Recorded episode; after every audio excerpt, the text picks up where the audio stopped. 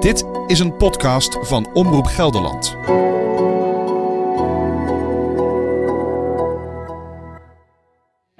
Nee, maar dat je, dat je zo in elkaar zit dat jij toch zeven jaar geleden, eh, ja, toch daar wel over dacht van om een, een einde eraan te maken.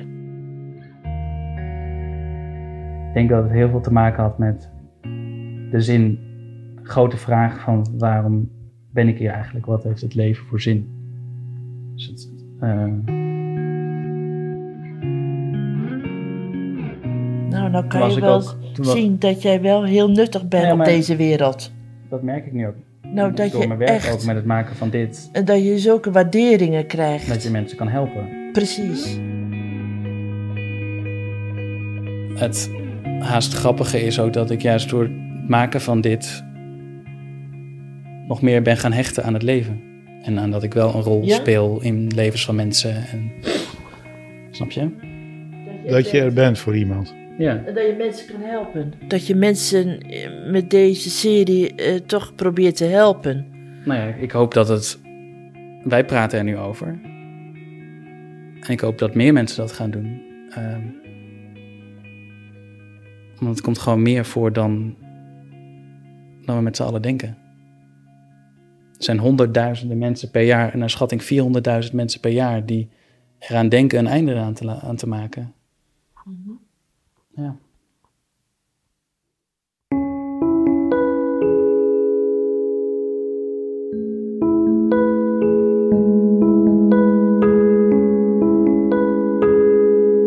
Je luistert naar Verstrikt.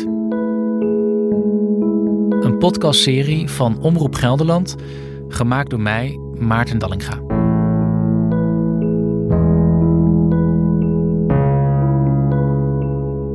Dit is een verhaal over worstelen met het leven en verstrikt raken. Over zelfdoding en het voorkomen daarvan. Aflevering 5, de laatste. Hoe gaat het nu met mij en met de anderen uit Verstrikt? Je hoort het straks. Eerst, hoe functioneert de zorg rond suïcidepreventie? En wat brengt de toekomst? Blijven praten. Hij wilde heel graag met zichzelf aan de slag, maar hij wist eigenlijk ook niet zo goed hoe. Ehm, nou, daar kreeg hij een intakegesprek bij een eerste eh, instelling. Toen bleek dat hij daar niet verder geholpen kon worden, dat, dat hij naar een andere instelling verwezen zou worden. Daar gaat dan weer tijd overheen. En ehm, dan kom je bij de volgende instelling en dan begint het verhaal eigenlijk opnieuw. En eh, zo is het verloop eigenlijk constant geweest. Het is elke keer een doorverwijzing naar een doorverwijzing of een wachtlijst naar een wachtlijst geweest. Dit is Evie, die je ook hoorde in aflevering 2. Zij verliest begin 2018 haar broertje Giel aan zelfdoding. Hij wordt 22. Kort voor zijn dood meldt hij zich nog aan voor een opname bij een Gelderse zorginstelling. Daar was een wachtlijst voor van drie maanden. En heeft hij zich wel voor aangemeld, ook zelf voor aangemeld. Hij is ook naar doorverwezen. Maar dat kon niet sneller. Dat was gewoon iets en dat zou nog drie maanden op zich laten wachten. En dat was gewoon echt te lang. was een enorme teleurstelling voor hem. Ja, hij wilde heel graag verder met zijn leven. En eh, hij merkte dat hij dat op dat moment niet kon. Ja, het is verklaarbaar omdat je weet hoe het systeem werkt. Maar het is eigenlijk niet te verkopen. Om mensen die dat eigenlijk heel hard nodig hebben, eh, te moeten zeggen: ja, je moet wel even wachten. Weet je, als jij je been breekt, hoef je ook niet drie maanden te wachten. Evie's verhaal is niet uniek. Sla de kranten maar op na. Of tik op internet wachtlijsten psychische zorg in. Poging na poging na poging. Heel veel in het ziekenhuis geweest. En dit is Charlotte Bouwman uit aflevering 1. Ze wordt meer dan tien keer opgenomen voor suicidaliteit. Maar kan ook heel vaak niet terecht. Aan de ene kant was er geen plek. En ja, ze zeiden heel erg van... Als we haar opnemen, dan wil ze daar nooit meer weg. Dus we moeten haar niet opnemen. Ja, ik heb toch echt eh, nachtenlang achter elkaar bij de crisisdienst gezeten. Smekend om een opname. En dan was het nee, maar... eh, ja, dat ze ook gewoon in mijn gezicht zeiden... Ja, als je echt suicidaal was... Je bent toch gewoon slim? Als je echt suicidaal was, was je toch al dood. Dus je bent niet echt suicidaal. Ja, dan moet je niet zeggen tegen iemand die suicidaal is. Ik ben niet dood omdat ik geluk heb gehad en omdat ik echt eigenlijk niet dood wil. Nee, eigenlijk wil ik niet dood. Maar ik heb gedachten dat ik wel dood wil. Nou ja, dat was echt verschrikkelijke tijd, ja. Charlotte stuurt mij fragmenten uit haar zorgdossier uit 2015. Ze is dan opgenomen op een tijdelijke psychiatrische afdeling, in afwachting van eventuele behandeling. Maar de psychiater wil haar ontslaan. Hij schrijft: Patiënt wil graag dood, zegt ze. Daarom is behandeling nu niet aan de orde, maar slechts gesprekken over de vraag wat zij uiteindelijk gaat kiezen. Zou dat voor de dood zijn, dan kan stervensbegeleiding een goede optie zijn. Charlotte's bed is ook hard nodig, schrijft de psychiater. Staat er gewoon echt in mijn dossier, uh, deze mevrouw heeft geen psychiatrische aandoening. Dat hebben ze dan anders omschreven hoor. Ik weet die hele ingewikkelde term niet, maar gewoon van, ze is niet ziek. Als ze echt een doodswens heeft, dan moeten we die serieus nemen. Dus dan verwijs ik haar graag door naar de uh, levenseindekliniek. Eh, what the fuck? Tuurlijk ben ik ziek. De betreffende zorgorganisatie, Arkin in Amsterdam, schrijft in een reactie we proberen er altijd voor te zorgen dat mensen zich bij ons welkom, veilig en geholpen voelen. Desondanks realiseren wij ons dat dat helaas niet altijd lukt. Wij kunnen vanwege privacywetgeving en het medisch beroepsgeheim niet ingaan op de behandeling van mevrouw Bouwman. Een uitgebreide uiteenzetting van Arkins beleid bij suicidaliteit staat op omroepgelderland.nl/slash verstrikt. Ja, dat is dus ook dat stigma nog. Zo'n stroming dat alleen mensen die echt die echt niet meer te volgen zijn, dat die echt ziek zijn. Want ik kon echt supergoed beargumenteren waarom ik dood wilde. Ja, ja. Ik had echt super goede redenen. En dat jij het ook begreep, zeg maar. Iemand die mij niet kende, die zag een best wel goed verzorgde, intelligente, welbespraakte patiënten die gewoon heel rustig zei van ja, uh, ik maak, heb dit en dit en dit meegemaakt en uh, ik kan er niet mee omgaan. Ik wil een einde maken aan mijn leven. Ik vind dat uh, best wel oneerlijk. dat ik daarom dan geen hulp kreeg.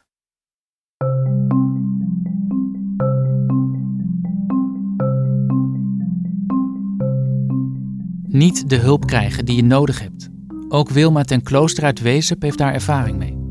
In 2014 pleegt haar 15-jarige dochter Chantal suïcide.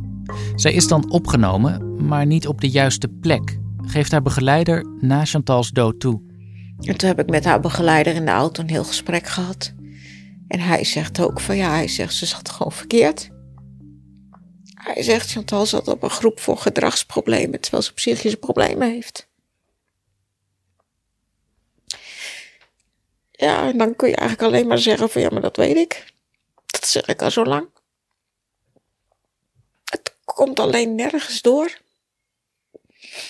Het ging hier om Pactum in Lochem, maar die organisatie wil om privacyredenen niet ingaan op Wilma's uitspraken.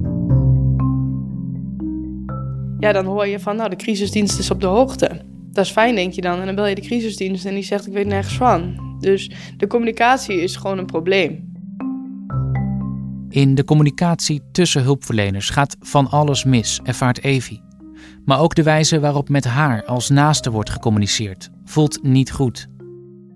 Ja, ik heb wel gehad dat mensen opnamen en dan horen ze mijn naam en dan uh, krijg je letterlijk een zucht. Heb je haar weer.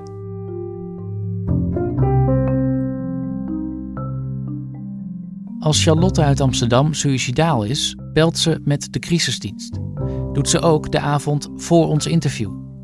Het is druk. De medewerker vraagt of hij terug kan bellen. Op een gegeven moment ging ik bellen van ja, ik wacht al twee uur. Waarom belt er niemand? En dan zeiden ze ja, we hebben het heel druk. En, dan...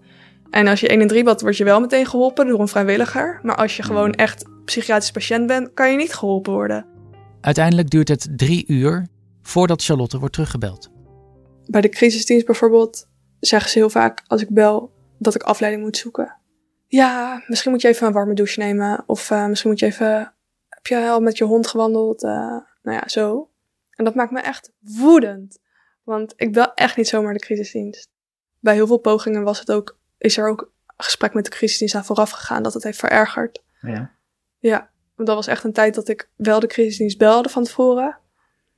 Maar dan zeiden ze dus van, of ja, we hebben geen tijd, of uh, ja, ga maar even ja, douchen of ga maar even film kijken of zo. En dan dacht ik echt van, ja, echt niemand. Niemand neemt mij serieus, niemand begrijpt mij. En dan deed ik een poging. Het erg is dat ik ook wel weet welke mensen de verkeerde vragen stellen. En dat Ja. zijn eigenlijk de mensen die het meest ervaren zijn. En dat is echt beroepsdeformatie. Dat is gewoon omdat zij al de hele dag worden zij gebeld. Ze hebben voor iedereen te weinig tijd. Zij hebben gewoon geen tijd om zo'n gesprek te hebben met iemand van een kwartier. En hoe haar gesprek gisteravond afliep? Charlotte's hond Bobby hielp haar er doorheen. ja, toen op een gegeven moment liep het gesprek een beetje vast. En toen, toen zei ik van ja, nou, weet je wat? Ik heb wel echt die suïcidale gedachten, maar ik wil Bobby gewoon echt niet alleen laten. Dus eh, ik moet die gedachten gewoon even accepteren. En ik kan Bobby gewoon niet achterlaten, punt. En dat hielp me op dat moment. En dan, toen was het gesprek over. dus eh, ja, hij helpt me echt, eh, echt heel erg.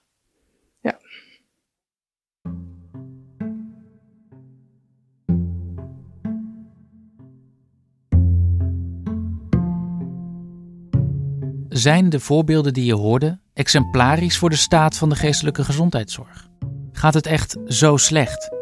Ik praat er ook over met professionals, onder wie psychiater Arne Popma. Hij is hoofd van de afdeling kinder- en jeugdpsychiatrie van het Amsterdam UMC. Als je auto stuk gaat, heb je de, de, de wegenwacht binnen een half uur bij je staan. Als je psychisch probleem hebt, kan het zomaar zes jaar duren voordat je bij de hulpverlener zit.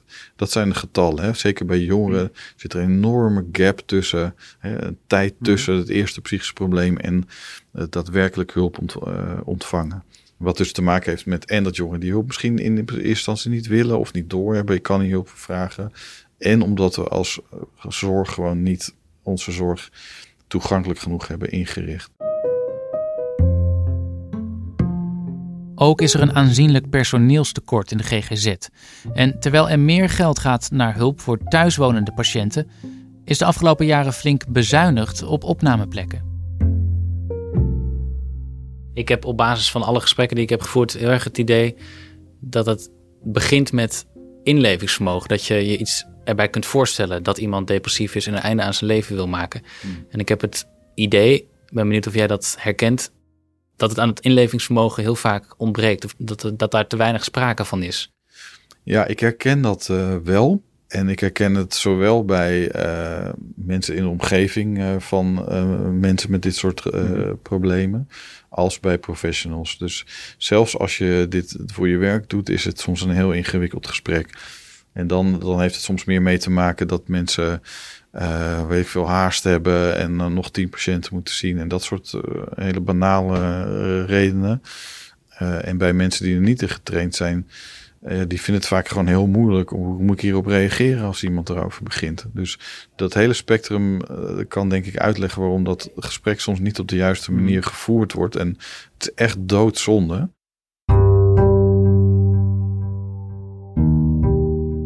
Paul van Hoek, die al 15 jaar mensen uit de zorg traint in het omgaan met suicidaal gedrag, herkent dit. Nou, wat ik merkte in die lessen uh, over psychiatrie was dat mensen heel veel opvattingen en heel veel meningen hebben over suïcide. Ja, daar ook felle discussies over konden voeren, maar eigenlijk betrekkelijk weinig kennis hadden over hoe dat probleem suïcide in elkaar steekt.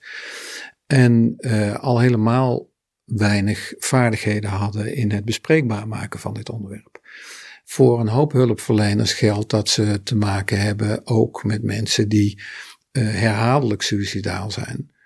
Waarbij het soms lijkt alsof er gemanipuleerd wordt met suicidaal gedrag. En nou ja, waarschijnlijk gebeurt dat ook wel eens ooit. Maar inmiddels is ook duidelijk dat het aantal mensen wat op die manier met suicidaal gedrag nou ja, manipuleert, ik blijf dat een lastig woord vinden, um, uh, dat dat maar een heel klein deel is van de mensen die uh, suicidaal zijn.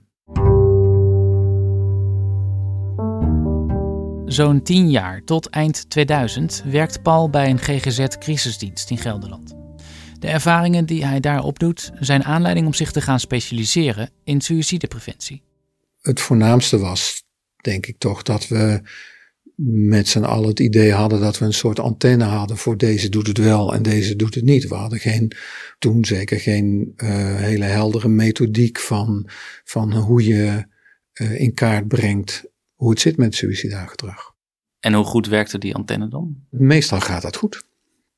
En dat is ook, ook ja, achteraf zie je ook dat dat logisch is dat het meestal goed gaat. Want de meeste mensen die last hebben van, van doodwillen, suicidaal gedrag, de meeste mensen overleven het.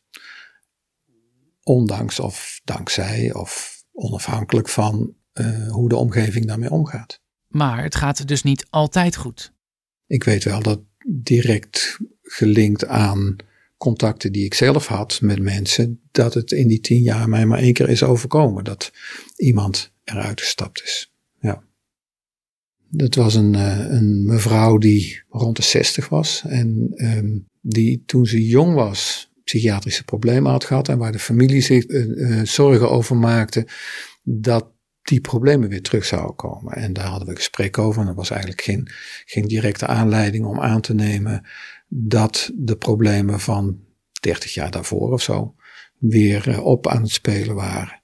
En het hele onderwerp suïcide is niet aan bod geweest. Maar na dat gesprek, die nacht daarna, heeft ze zich van het leven beroofd. Ja.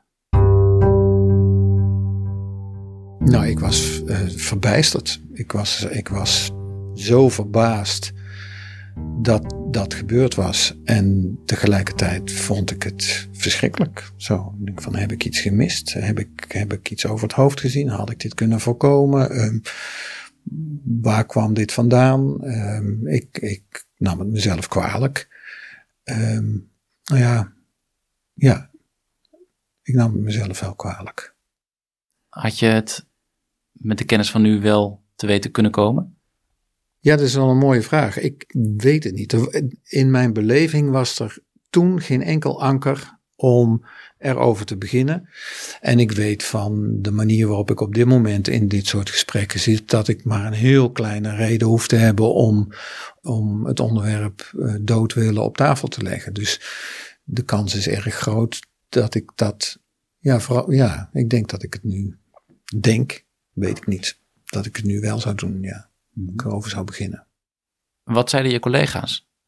Nou ja, ik vroeg me af of ik, of ik iets gemist had, of ik dingen verkeerd had gedaan. En collega's antwoordden daar eigenlijk op van, uh, van ja, je kunt het niet altijd tegenhouden en je ziet het niet altijd aankomen. En um, ja, hele troostrijke reactie op mijn ja, verbijstering en de emoties die er bij mij waren.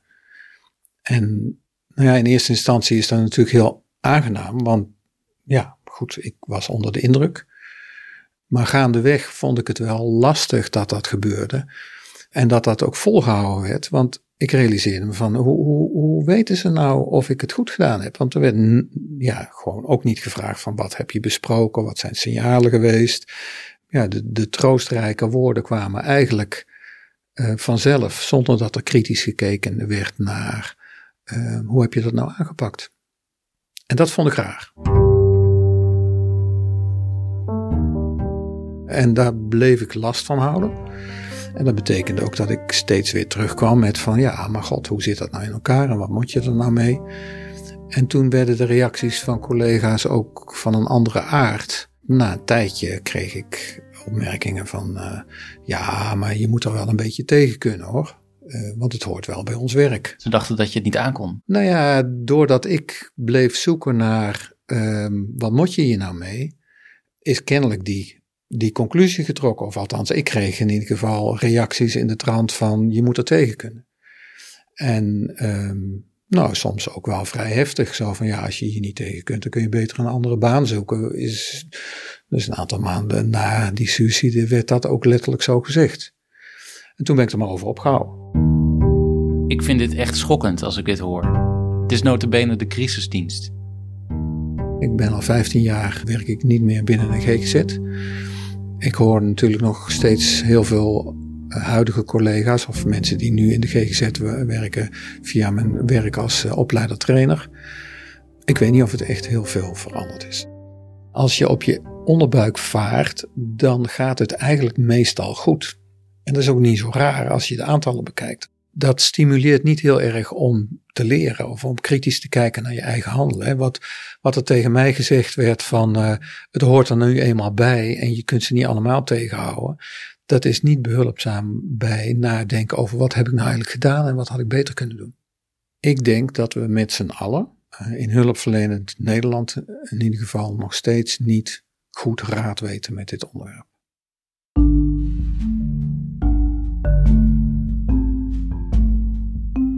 Ook Renske Gielissen, onderzoeker bij 113 Zelfmoordpreventie, vindt dat de zorg soms tekortschiet. Ik denk dat het uh, kan verbeteren in die zin dat wij dus zien bij 113 zelfpreventie in een onderzoek dat het um, varieert tussen instellingen, ook de, de kwaliteit van zorg. De ene instelling volgt heel netjes de richtlijn suïcidepreventie. En die betrekt altijd bijvoorbeeld een, een naaste of die, um, een veiligheidsplan. Nou, gewoon allemaal dingen die in de richtlijn staan, worden daar heel nauwkeurig op gevolgd. En een andere instelling doet dat niet of doet dat minder. Dus er is variatie tussen instellingen. En dat betekent sowieso dat het kan verbeteren. Want je wil dat echt elke persoon met suïcidale gedachten bij elke instelling gewoon even goed uh, behandeld wordt. Psycholoog Dirk de Beurs, GGZ-onderzoeker bij onderzoeksinstituut Nivel, is een stuk positiever. Over algemeen de suïcidepreventie in Nederland uh, is, op, is gewoon op een hoog niveau. De GGZ is op een hoog niveau. De GGZ voorkomt heel veel suïcides. En dat is iets wat we niet vaak goed beseffen, denk ik. Uh, want wat je voornamelijk in het nieuws krijgt, zijn natuurlijk de slechte voorbeelden. Dus ik zou het aantal suïcides niet aan de, de hulpverlening snel toeschrijven. Nee. Toch ziet ook Dirk verbeterpunten. Het kan wel een stuk beter. Het is nog steeds een taboe onderwerp. Bij huisartsen is het ook een taboe onderwerp. Er zijn toch nog artsen die denken dat ze door te vragen juist mensen op ideeën brengen.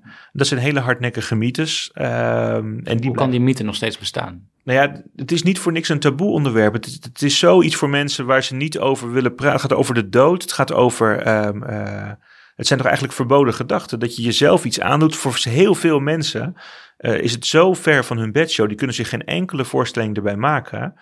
Uh, dus die schrikken ook als je erover begint. En dat is toch in het collectieve geheugen gaan zitten. Überhaupt is de dood verbannen eigenlijk uit ons leven. We zagen natuurlijk toch vroeger in de middeleeuwen wel mensen nog uh, die, over, die, die dood gingen. En er gingen veel mensen dood meer aan ziektes. Maar dat hebben we natuurlijk allemaal naar ziekenhuizen verbannen. En we komen niet zoveel meer in aanraking met de dood. Dus de dood is een hele ver van je bed show geworden. En zelfmoord is daarna nog, nog, nog een veel heftigere vorm daar nog eigenlijk van.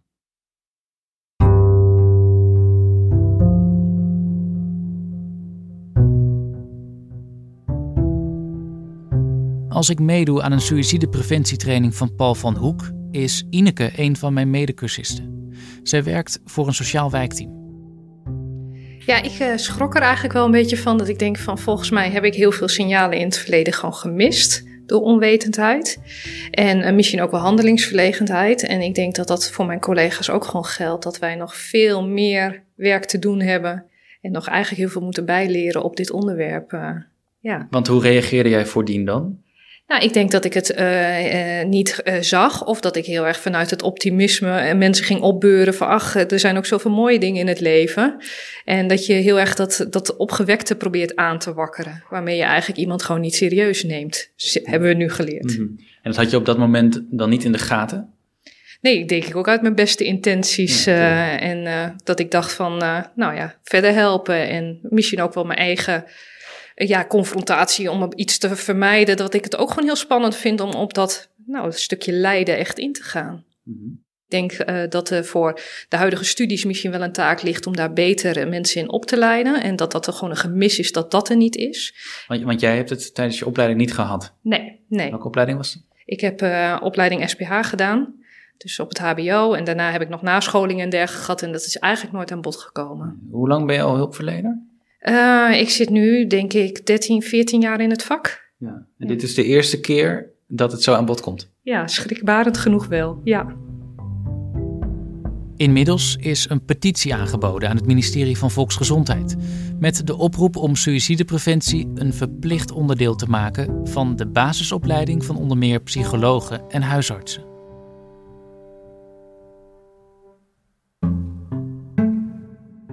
Bij de zorg aan mensen met een doodswens gaat dus van alles mis. En ja, een gebroken been behandelen is ook veel minder complex. Maar bij suicidaliteit gaat het wel om leven of dood. Gelukkig zijn er mooie ontwikkelingen.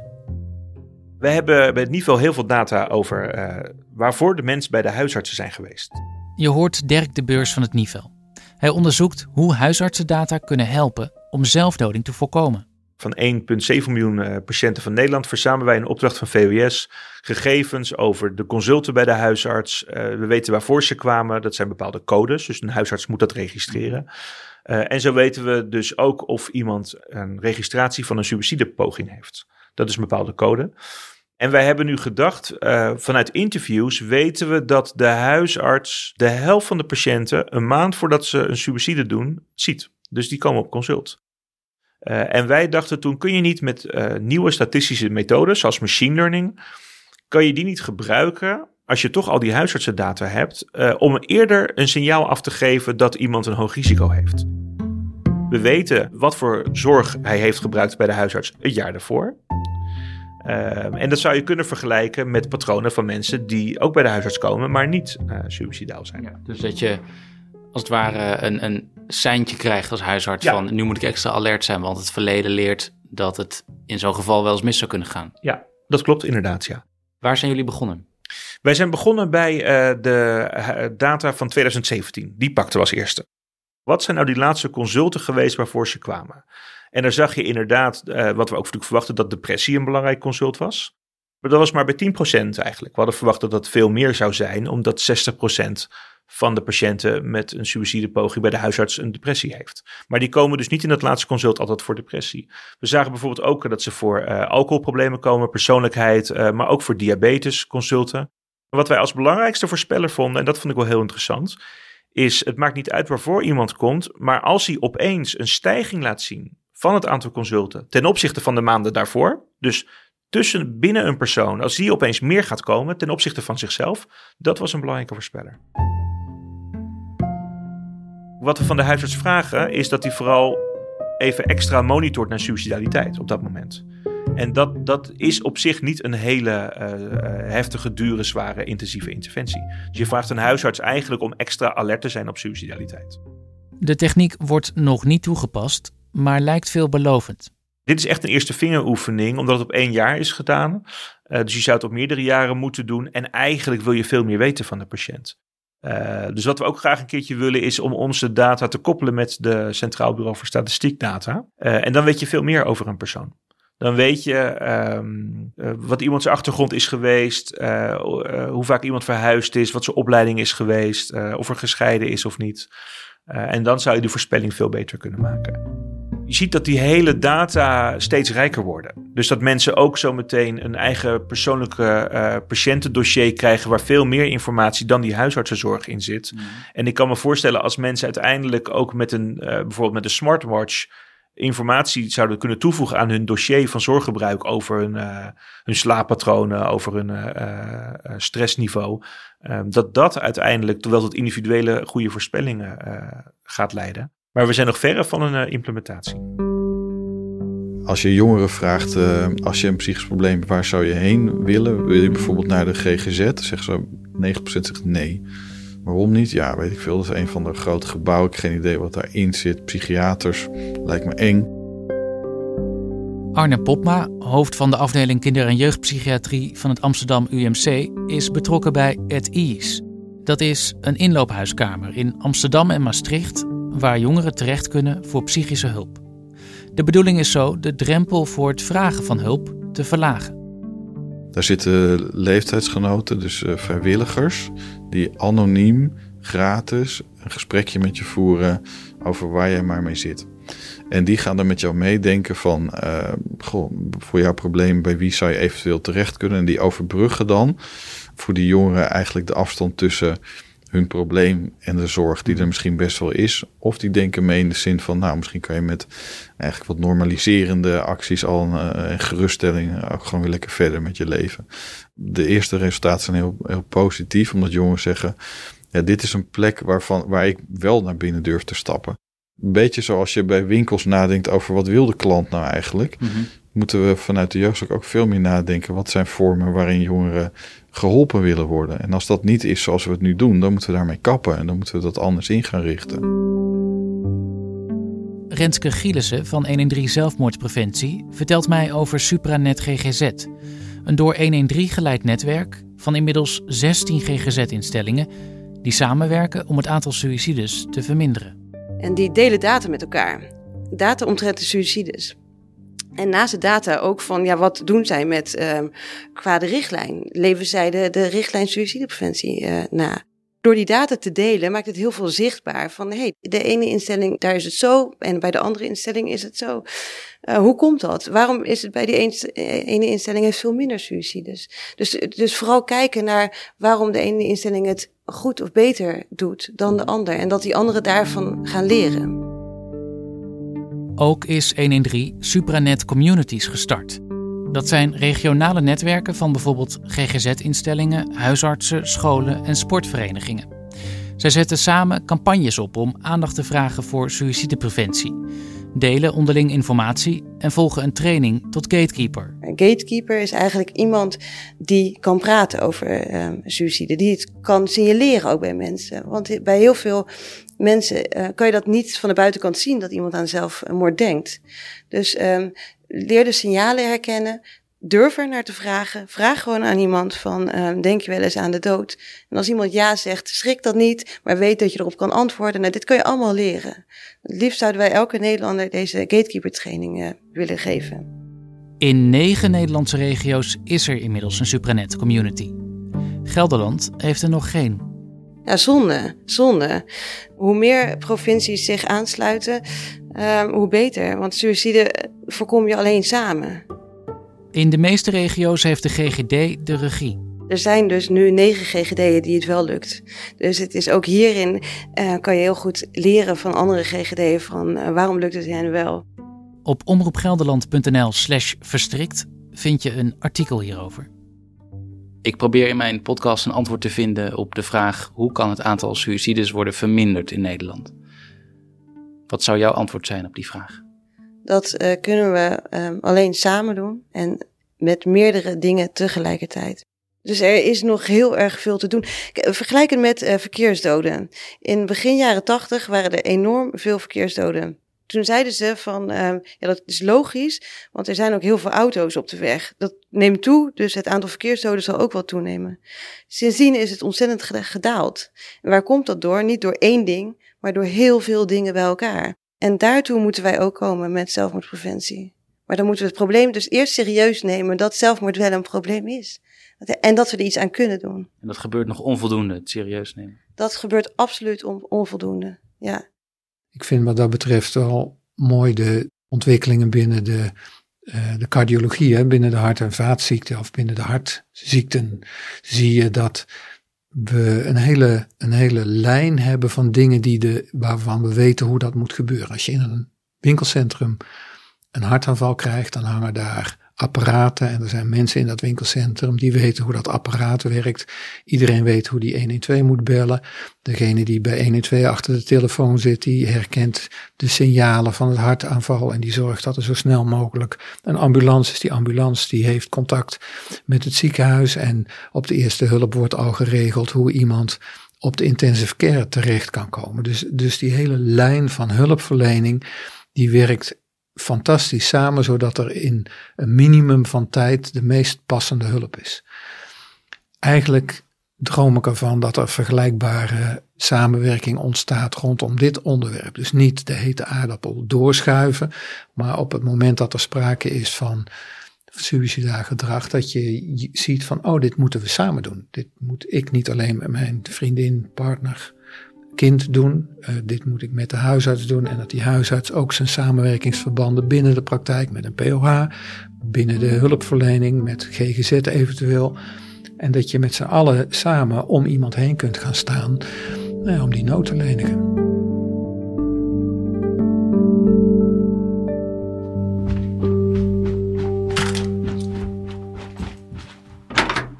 Ton, kom binnen. Leuk je te zien. Ja. Hoi. Oeps, oh sorry. Hoi. Hoi. Leuk je te zien. Ja, zeker. Heel leuk. Hoe gaat het nu met de mensen uit Verstrikt? Hoe gaat het nu met mijzelf? Het is vijf maanden na mijn gesprekken met Ton Baakman, die zijn moeder verloor aan zelfdoding.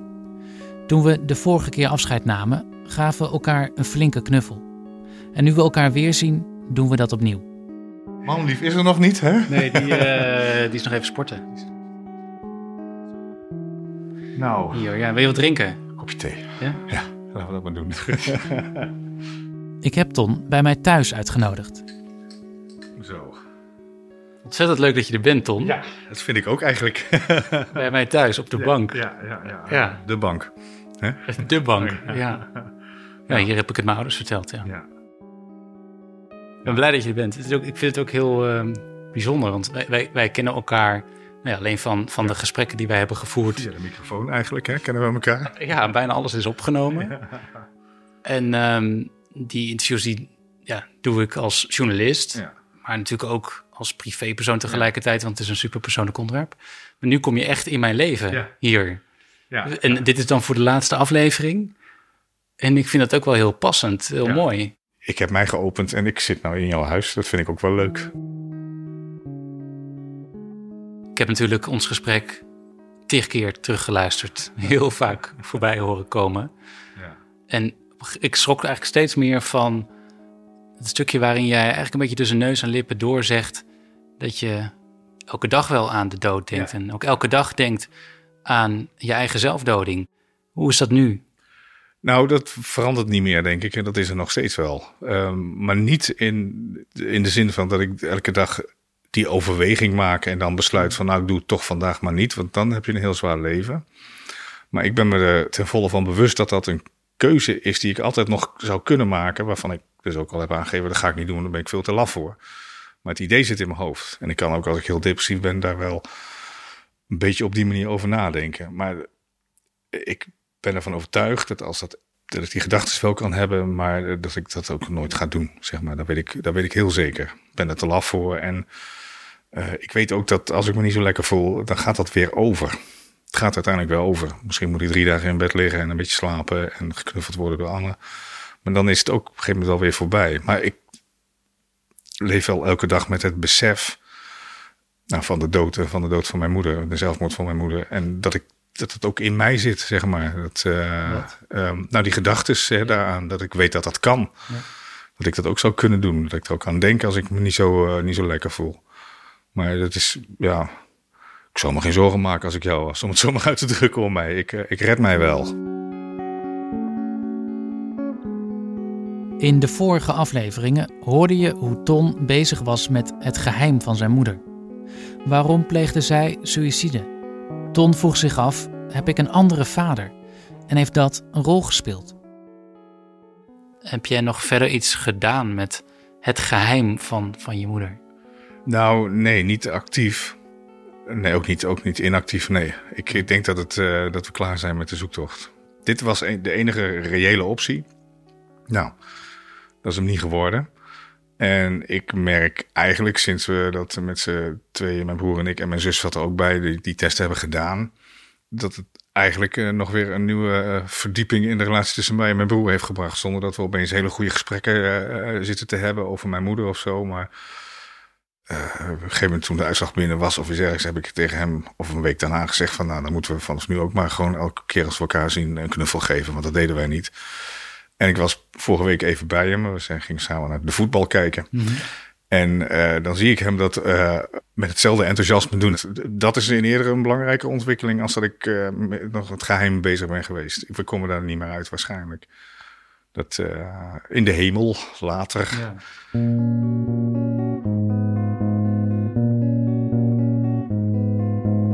Ik praat ook met Charlotte over hoe het nu met haar gaat. Wat betekent het voor haar dat ze er na al die suïcidepogingen nog is? Eh, nou, ik ben er, eh, ben er wel heel blij mee, want eigenlijk ben ik dus heel bang voor de dood. dat is heel grappig. Vinden mensen altijd heel raar van mij om te horen, maar ik ben heel bang voor de dood. En je zegt, ik ben blij dat ik er nog ben. Wa- waarom ben je blij? Eh, nou, omdat ik gewoon nog heel veel leuke dingen heb gedaan al in de tijd dat ik, zeg maar, tussen die pogingen en nu. Ik heb gewoon weer een leven en ik doe gewoon weer leuke dingen en kan daar gewoon weer van genieten. En ik had echt nooit gedacht dat er een tijd zou komen dat ik niet 24-7 aan zelfmoord dacht. Ik snap dat het bijvoorbeeld voor mensen schrikken is als ze horen dat ik gisteravond nog heel suicidaal was. Maar ja, er was gewoon een tijd dat ik de hele dag heel suicidaal was. Ja, nu heb ik gewoon zeeën van tijd om leuke dingen te doen. Ja, dat is echt, eh, echt bizar als je dat met elkaar vergelijkt. Ik kan nu zelfs genieten van als ik me niet goed voel, soms kan ik gewoon nu wel ergens om, verdrietig om zijn. zonder dat ik daarvan meteen suicidaal word. Ja, dat, dat kan super erg opluchten. Ja, dus daar ben ik echt heel blij mee ook. Ik denk dat, dat er drie dingen zijn die, mij, die ervoor hebben gezorgd dat ik nog leef. En dat zijn, dat is dat ik, eerst is dus dat ik heel duidelijk wist wat voor werk ik wilde doen. Dat dat echt altijd een heel erg externe motivatie was. Schrijven en journalist zijn en is eigenlijk bijna altijd wel gebleven, ook als het echt heel slecht ging. Het tweede zijn gewoon de mensen om mij heen en die er altijd voor me zijn gebleven, mijn vrienden, zeg maar. En, en Bobby op een gegeven moment. en uh, derde is, uh, zijn de mensen in de zorg.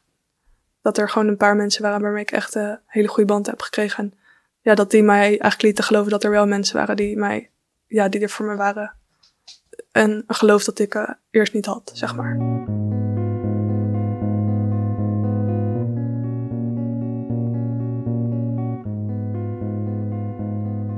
Met Marcia Gesthuizen gaat het ook beter dan voorheen. Ze volgt therapie, maar gebruikt ook medicatie, waaronder lithium. Met de lithium verdween echt dat hele suïcidale gedoe als sneeuw voor de zon. Ik begrijp niet hoe dat kan. Maar eh, ik zou haar zeggen een tovermiddel, maar voor mij. Lithium werkt overigens niet voor iedereen en het heeft ook bijwerkingen. Hoe ziet Marcia de toekomst? ik ben door een diep dal gegaan, maar uh, ik, uh, ik volg nog steeds therapie. Maar ik, ik zie ook gewoon wat het me oplevert en hoe ik daar steeds meer uitkom. En uh, ja, toch wel zonnig, zonder cynisch te zijn. Ben je nooit bang om toch weer eens een keer suicidaal te raken? Nu staat het zo ver van me af dat ik zeg nu nee. Ik weet hoe, hoe ver ik daarin gegaan ben. Dus ik, ik weet dat daar ergens iets in, in me zit. Maar uh, uh, als, als, als dit beklijft, het effect van de therapie en van de pillen. En als, de, uh, als het kan beklijven, als de pillen er misschien ooit af, af kunnen gaan, dan, dan heb ik het al achter me gelaten. En daar ga ik, daar ga ik wel van uit.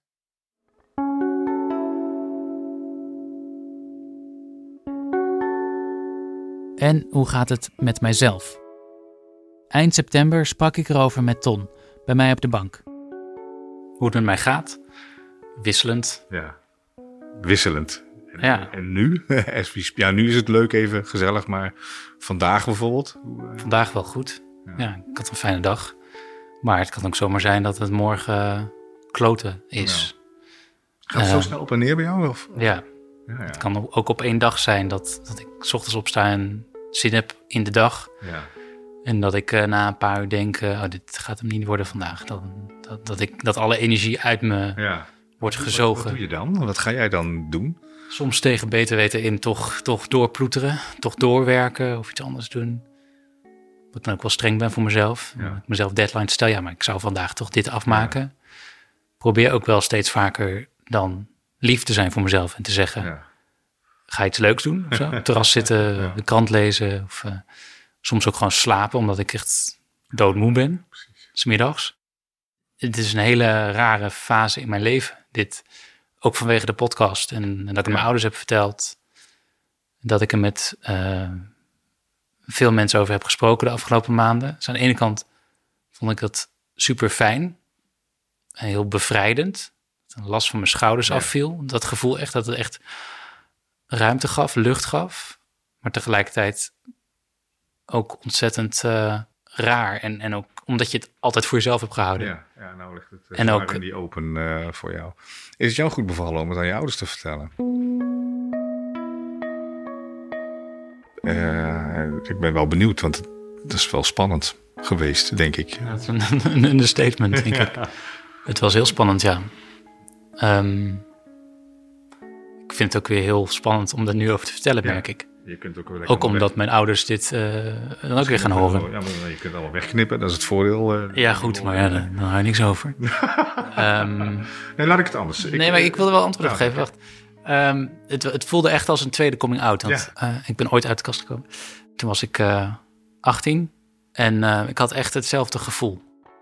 Als je heel goed luistert naar de opname, dan hoor je mijn hartslag. Hoor je mijn hart kloppen. Ik ga het op naluisteren. Ik uh, ben benieuwd of ik dat... En dat zegt denk ik genoeg. Ja. Ja, ik... Uh, maar ik dacht ook... ik moet het nu vertellen. Want ik had het al een keer eerder willen doen. En ik dacht, ja, als ik het nu niet doe, dan stel ik het weer een paar weken uit, minstens. Zo vaak zie ik ze niet. Dus ik dacht, ik moet het nu gewoon doen. En ehm, ik heb gewoon tegen ze gezegd, pap, mam, ehm, ik wil graag iets met jullie opnemen. Eh, ja, wat dan? Ja, dat hoor je wel. Uh, Ga even zitten. toen, ja, ik had het gesprek gehad. Ja. En ehm, aan de ene kant luchtte het op. En aan de andere kant had ik wel ook, dat heb ik ze later ook wel verteld, gehoopt dat ze iets warmer hadden gereageerd. En daarmee bedoel ik dat ze, dat ze mij hadden omarmd, zeg maar. Dat ze hadden gezegd van, we begrijpen het niet. Ja. Want dat was zo volgens mij. Maar wel ontzettend goed of dapper of stoer of whatever. Dat je het nu vertelt. Ja, Dat je er zo lang mee hebt gezeten en dan toch het alsnog verteld. Dat maar heb je later dus wel verteld. Of dat, je hebt er nog een keer over gesproken met hen. Of, ik heb er nog met ze over gesproken en toen dit ook verteld dat ik, nou ja, hoe ik dit heb beleefd. Ja. En toen zeiden ze, ja, maar zo bedoelen we het ook. Ja. We bedoelen alles uit liefde en, en we willen het beste voor je. Dat, dat snap ik wel. Dat snap ik heel goed. Maar toch had ik het gevoel, een beetje, ehm, dat ik me moest verdedigen of zo. Ja. Waarom ik het nu pas verteld heb. Misschien hebben zij het gevoel dat ze gefaald hebben. Hè? Dat kan ook. Ik weet niet of ze dat gezegd hebben of zo. Maar je wil denk ik als ouders eh, het beste voor je kinderen en, Mhm. en dat soort dingen. En als je dan wordt verteld dat er iets vrij belangrijks ontglipt is. Eh, dan voel je misschien ook, een, ik weet het niet, hè, ik ken je ouders niet, maar dan voel je misschien ook een beetje in je hemd staan. Dat je denkt, uh, potjandri dobbeltjes. Wat, Maar ik hoop heel erg dat als ze dit nu horen in aflevering 5, ja. dat ze dan zich beter realiseren wat het voor mij is geweest, Ja. hoe het was. En dat we dan straks alsnog een heel fijn Ja. gesprek daarover kunnen hebben. Je moet daarover blijven praten. Ja, het is heel simpel eigenlijk, maar het is wel. dus oké, je hebt het nou verteld aan je ouders. Dat is, een, dat is maar het begin, zeg maar. En je kunt ook nou nog niet de conclusie trekken dat ze er helemaal, bij wijze van spreken, niks van snappen. Of dat, eh, Nee. dat je, er kan nog steeds meer uitgehaald worden als je maar over, daarover blijft praten. Ja, maar ik, ik hou het natuurlijk ook, ben natuurlijk ook wel goed in het, het verborgen houden Ja. ervan. Nou, weet je, is dat verborgen houden of is dat gewoon eh, een strategie om door te kunnen leven? Een manier van overleven. Ja, precies. dat denk ik wel, ja.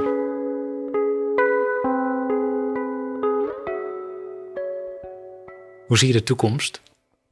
Ik leef niet met de toekomst. Dat, ik, ik, serieus niet. Hè. Ik, ik, kijk, ik plan niet heel veel en ik kijk ook niet heel erg veel vooruit.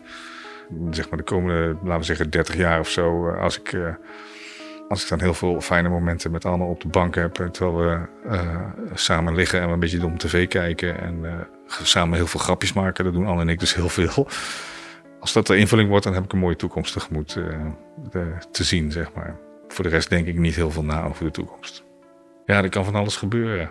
Ik zat jou net aan te kijken. Ik denk, ja, je bent ook zwaarmoedig. Hè? Hoe, hoe, hoe, hoe, zit jij erbij over tien jaar? Daar moest ik even aan denken. Hoe dat Ja, weet ik niet. Nee, dat weet jij ook niet. Nee. En, eh, het zijn allemaal scenario's die, die, die zich zouden kunnen voltrekken. En nu kunnen we leuk praten. En misschien dat ik over tien jaar eens ga googlen. Omdat we elkaar uit het oog verliezen of zo. En dat ik dan ook een nabericht ga tegenkomen. Alles kan. Ik wil er niet over nadenken. Laten we een lol hebben eh, de komende eh, uren bij de lasagne die, eh, die eraan gaat komen, zeg maar. Dat, eh, dat lijkt me een leuke toekomst. Ik ruik hem al, je. ja. Dankjewel, Ton. Ja, you're welcome. Het werd een gezellige avond, met ook mijn partner Juri erbij. Dit zijn van die momenten die het leven wat kleur geven, het meer de moeite waard maken. Momenten van verbinding. Dat een ander iets voor jou betekent en jij iets voor de ander. Op zo'n moment voel ik me minder verloren en voelt het leven een tandje minder zinloos.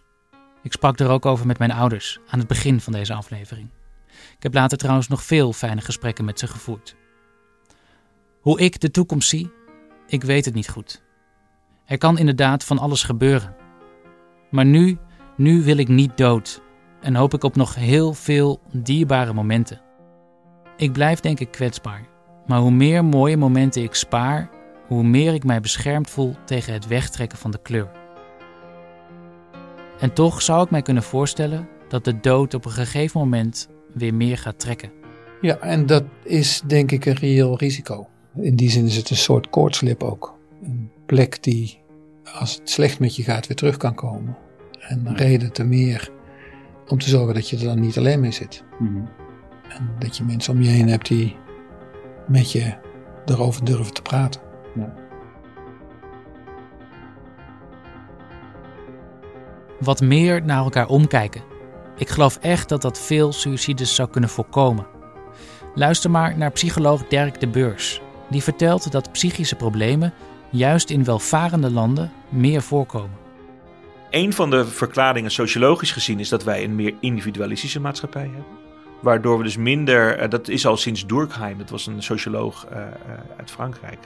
Die schreef al van dat er dus tussen protestanten en katholieken de suicides verklaard konden worden. Doordat de ene groep een sterkere sociale cohesie heeft die beschermend werkt. Nou, dus een van de theorieën is dat in welvarende landen uh, is het minder beschermend. Waar je normaal dan een rol krijgt in de maatschappij of in je gemeenschap, dat je gewoon wat minder eruit springt, hebben wij hier vooral een cultuur van jij moet de beste zijn. Ten koste van anderen eigenlijk. En het is ook vooral een, een, een uh, solistische operatie. Dus jij gaat voor jouw succes.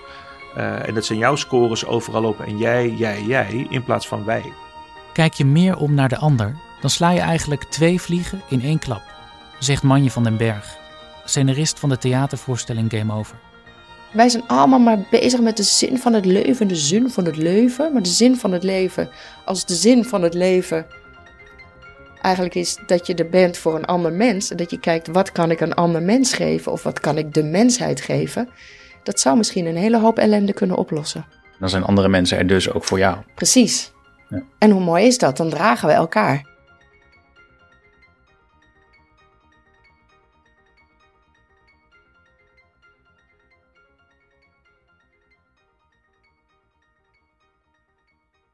Wil je met iemand praten over zelfdoding? Dan kun je terecht bij 113 Zelfmoordpreventie. 0900 0113 of ga naar 113.nl.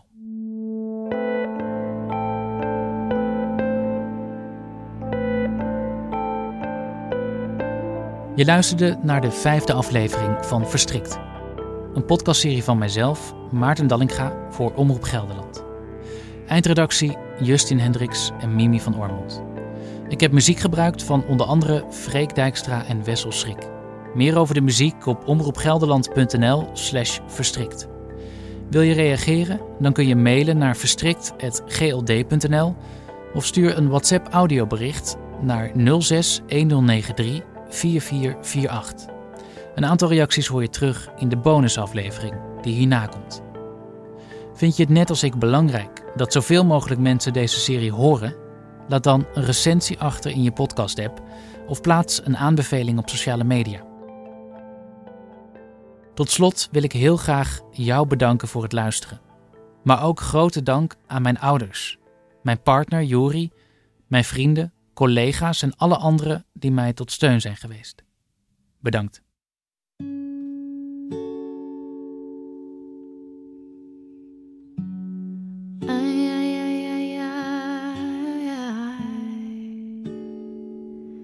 feels like fire. I'm so in love with you.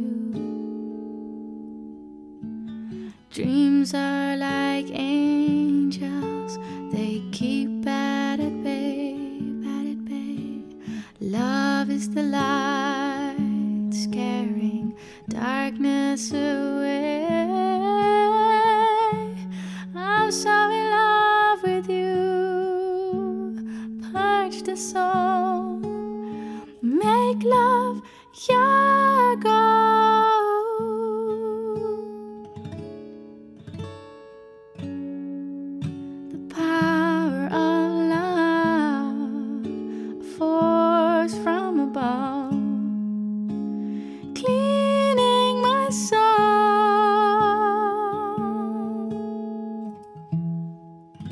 Flame on burn desire love with tongues of fire.